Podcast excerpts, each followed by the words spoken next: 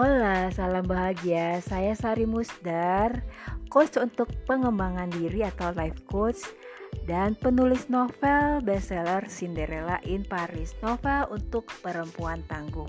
Tapi kalau di sini ada pendengar yang laki-laki mau baca, boleh-boleh aja karena novelnya sepertinya umum Sebenarnya ceritanya umum tentang bagaimana si tokoh mengejar kebahagiaannya, konsep kebahagiaannya melalui dia traveling ke beberapa kota di Eropa. Uh, pagi-pagi ini saya sudah praktek konsultasi pace ditulis Bazi. Kalau uh, teman-teman tahu ini adalah hari Minggu udah akhir tahun hawa-hawanya sudah hawa liburan. Kalau ke Jakarta lagi mulai sepi jalanan gitu ya. Uh, kalau orang kantoran bahkan uh, tukang jamu langganan saya udah libur nih dari Natal. Kalau saya enggak saya masih ditanyain sama orang-orang kapan mbak saya dibacain pacunya? Ya karena sudah ada yang ngantri akhirnya saya baca sesuai antrian saya suka Pace karena dia tetap mengakui kadarullah. Sebenarnya astrologi juga, astrologi, human design juga sama-sama mengakui adanya kuasa Tuhan atau kuasa surga dan juga ada free will dari manusia. Kalau dalam Islam disebut kadarullah ya takdir atau destiny.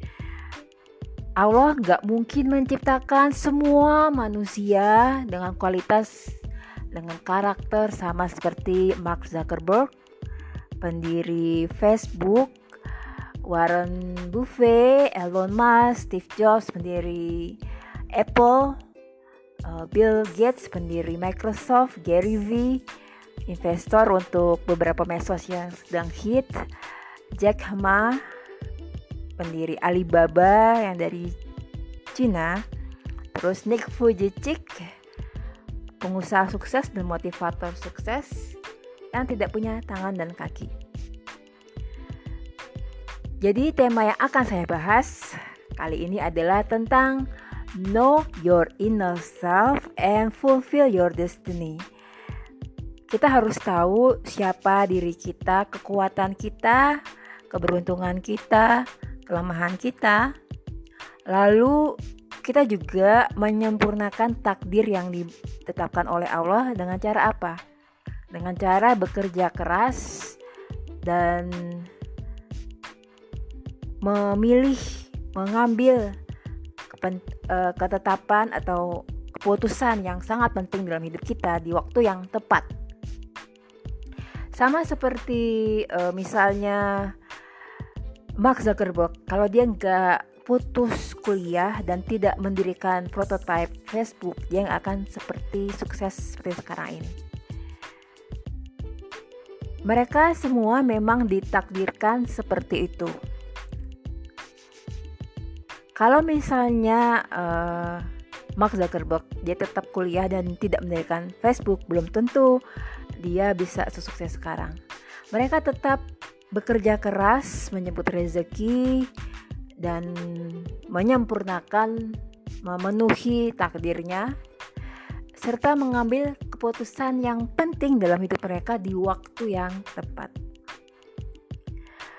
Kita nggak perlu harus menjadi seorang Bill Gates, Steve Jobs. Yang penting kita menyempurnakan takdir kita. Jadi kita nggak perlu iri dengan privilege yang Allah berikan ke mereka. Kalau semua orang di dunia jadi Bill Gates, jadi Mark Zuckerberg atau jadi Steve Jobs, terus siapa yang akan jadi karyawannya? Ya nggak? Rezeki kita sebenarnya sudah ada, sudah diatur di jalur masing-masing. Tapi juga bukan berarti kita pasrah nunggu rezeki datang turun dari langit karena manusia itu diberi akal atau ada free will. Manusia harus menggunakan otot dan otak untuk menjemput rezekinya, untuk menyempurnakan takdir yang sudah ditetapkan oleh Tuhan.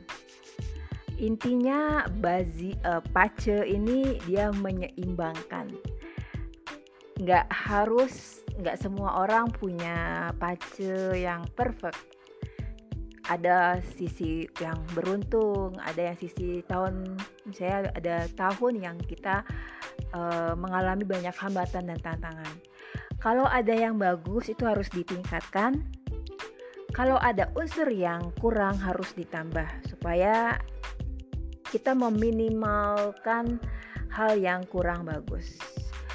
Faktor untuk sukses, makmur, dan bahagia tiap orang itu beda.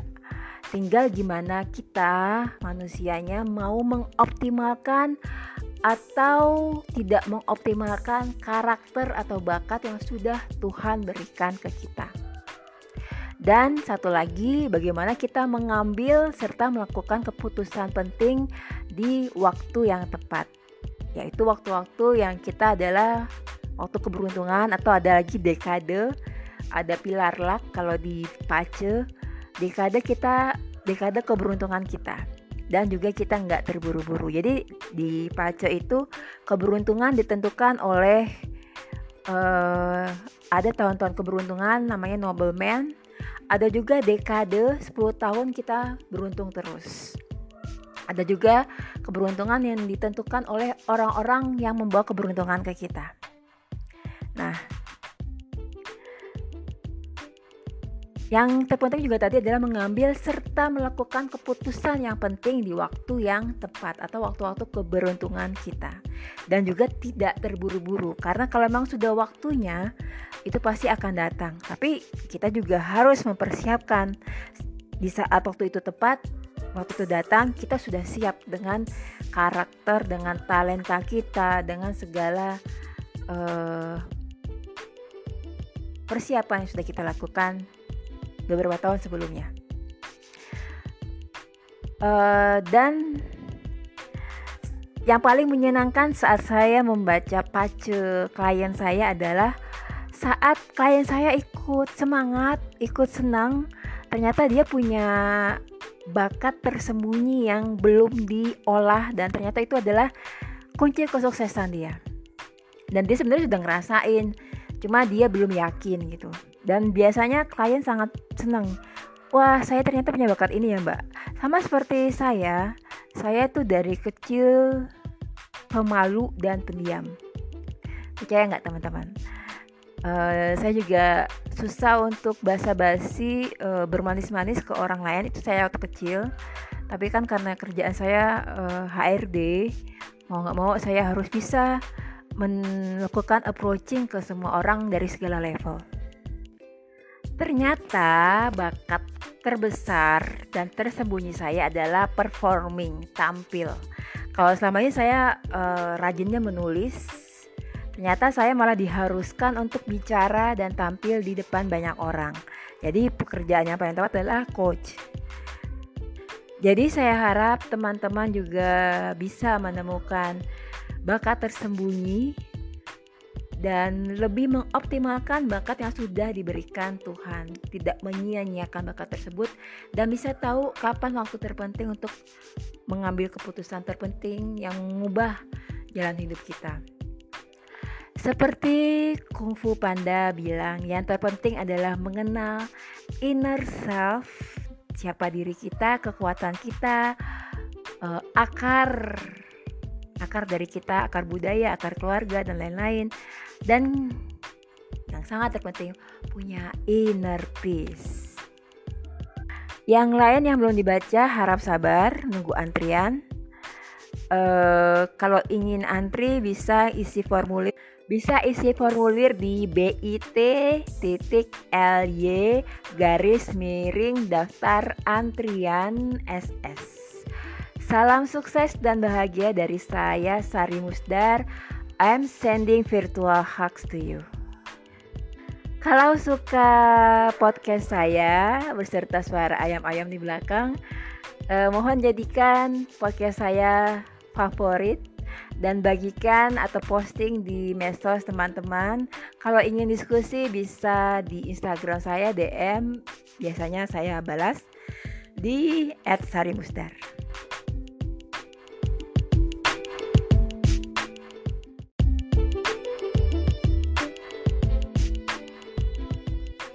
Hola, salam bahagia. Saya Sari Musdar, seorang empat atau HSP (Highly Sensitive Person) yang fokus untuk menjadi coach pengembangan diri dan digital marketing. Apa itu empat atau HSP dan pengembangan diri? Bisa ulik kepo-kepoin materi podcast saya lainnya.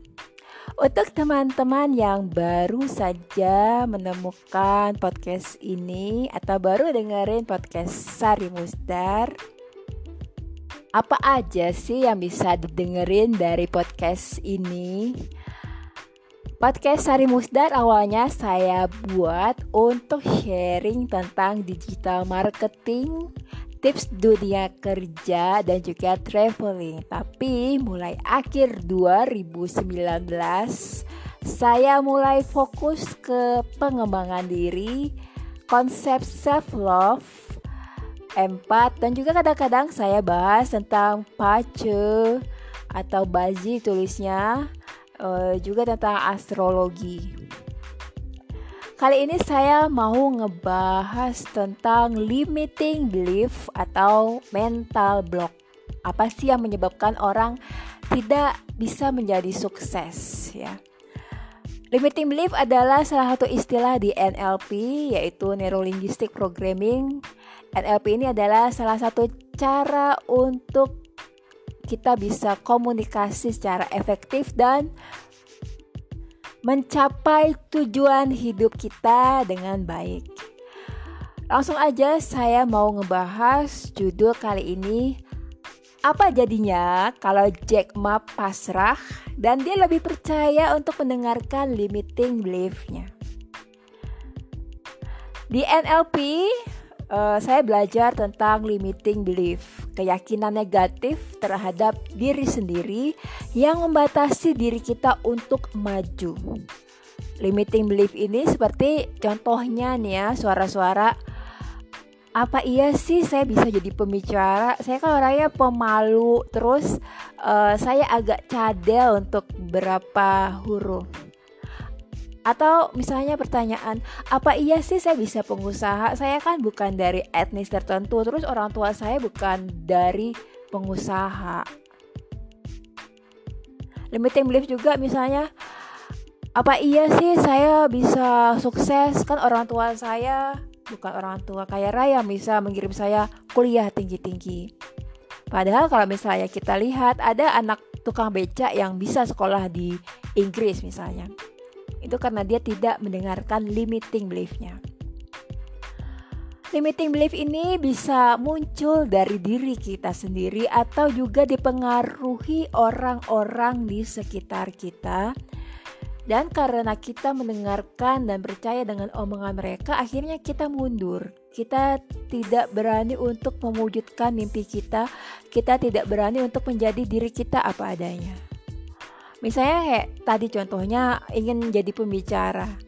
Tapi orang-orang sekitar kita, teman-teman kita bilang, aduh lo jadi pembicara enggak deh, lo tuh pemalu, nggak berani ngelihat muka orang, nggak berani menatap mata orang, terus cadel lagi, misalnya itu.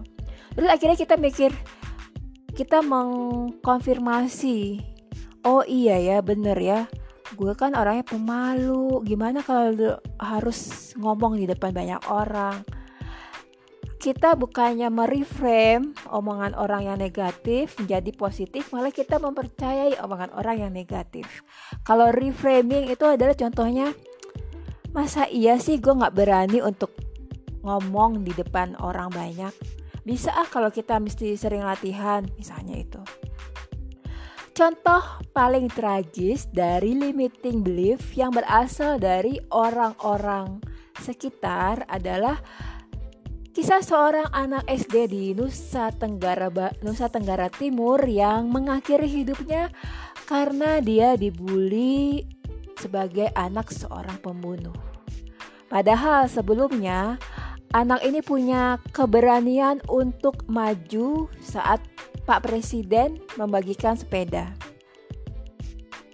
Saya beberapa kali membaca karakter orang lewat pace Dan ada beberapa yang memang karakternya sudah terlihat sama seperti saat ini, ada yang belum terlihat.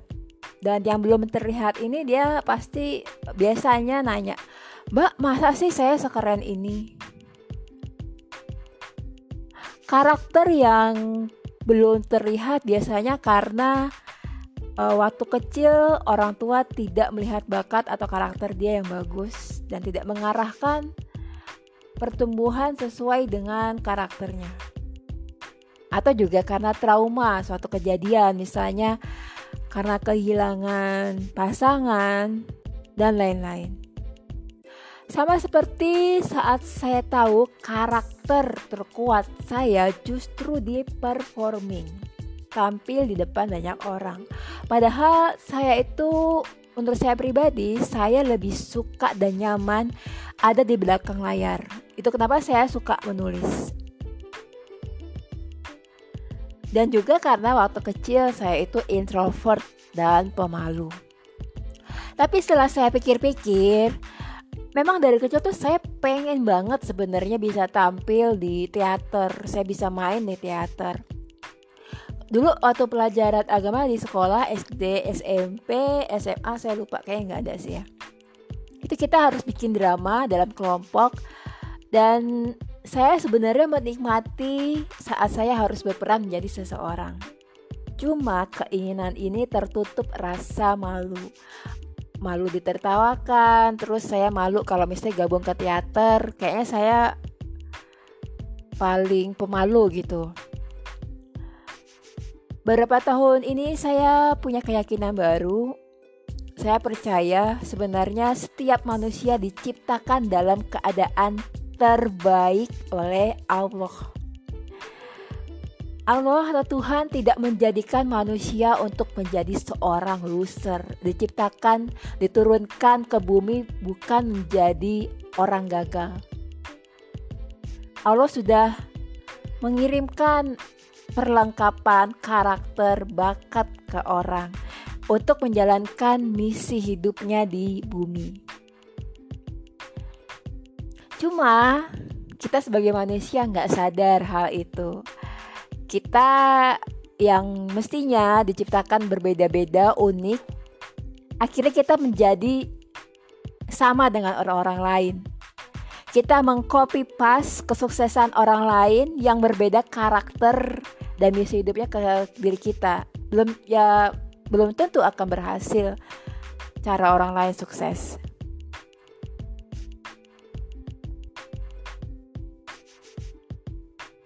Kenapa akhirnya orang tidak menjadi sesukses yang dia seharusnya? Karena orang tua nggak tahu bakat asli si anak. Orang tua tidak melihat karakter anak-anaknya yang unik. Malah cenderung orang tua memandang aneh karakter yang sebenarnya itu karakter sudah diciptakan oleh Tuhan untuk anak itu. Malah dibandingkan dengan misalnya saudara-saudara atau kakak-kakaknya atau adiknya yang lain. Kamu kok nggak kayak kakak kamu sih? Kamu kok nggak kayak adik kamu sih? Padahal karakter unik itu adalah uh, berkah dari Allah untuk menjalankan misi hidup dia. Dan lingkungan pun membatasi seseorang untuk menjadi diri sendiri. Juga ada lagi faktor dari eksternal adalah trauma. Trauma untuk dibilang gagal, trauma untuk ditertawakan. Akhirnya orang-orang menjadi orang biasa saja atau mediocre. orang ingin jadi PNS, dia ikut PNS padahal karakter, bakat dan lingkungan kerja optimalnya tidak sesuai dengan dirinya.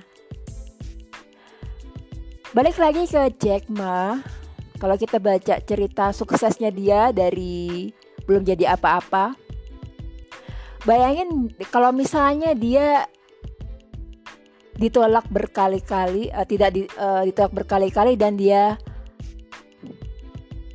pasrah. Atau bayangkan jika dia tidak ditolak kerja berkali-kali, saya ngebayangin apakah dia akan menyempurnakan takdirnya sebagai seorang Jack Ma yang kita kenal saat ini.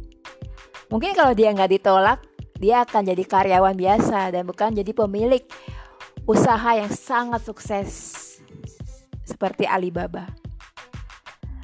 Jika seorang Jack Ma lebih mendengar limiting beliefnya atau mental blocknya, misalnya kayak gini. Ah, ya udahlah, saya memang bego. Perusahaan aja banyak yang nolak saya. Mungkin emang saya nggak kompeten kali ya. Maka mungkin Jack Ma akan menjadi karyawan biasa di perusahaan yang biasa-biasa aja karena dia udah tolak di mana-mana.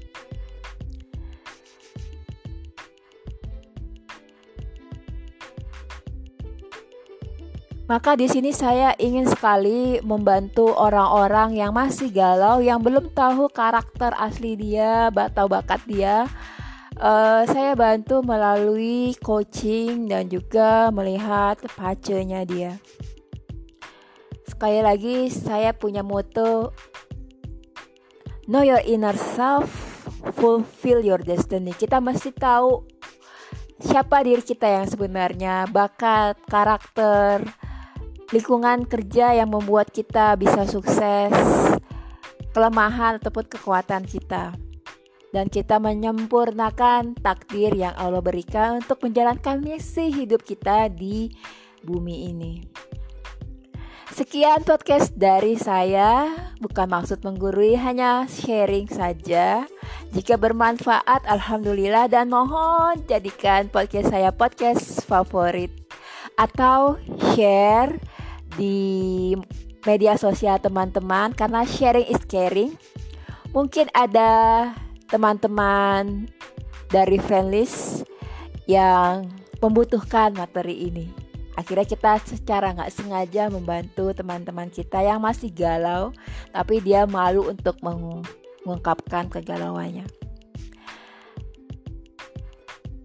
Kalau ingin konsultasi atau ingin curhat atau ingin ngobrol bisa kontak saya dengan DM di Instagram @sarimusdar. Salam bahagia. Semoga semua makhluk berbahagia. I'm sending my virtual hugs to you.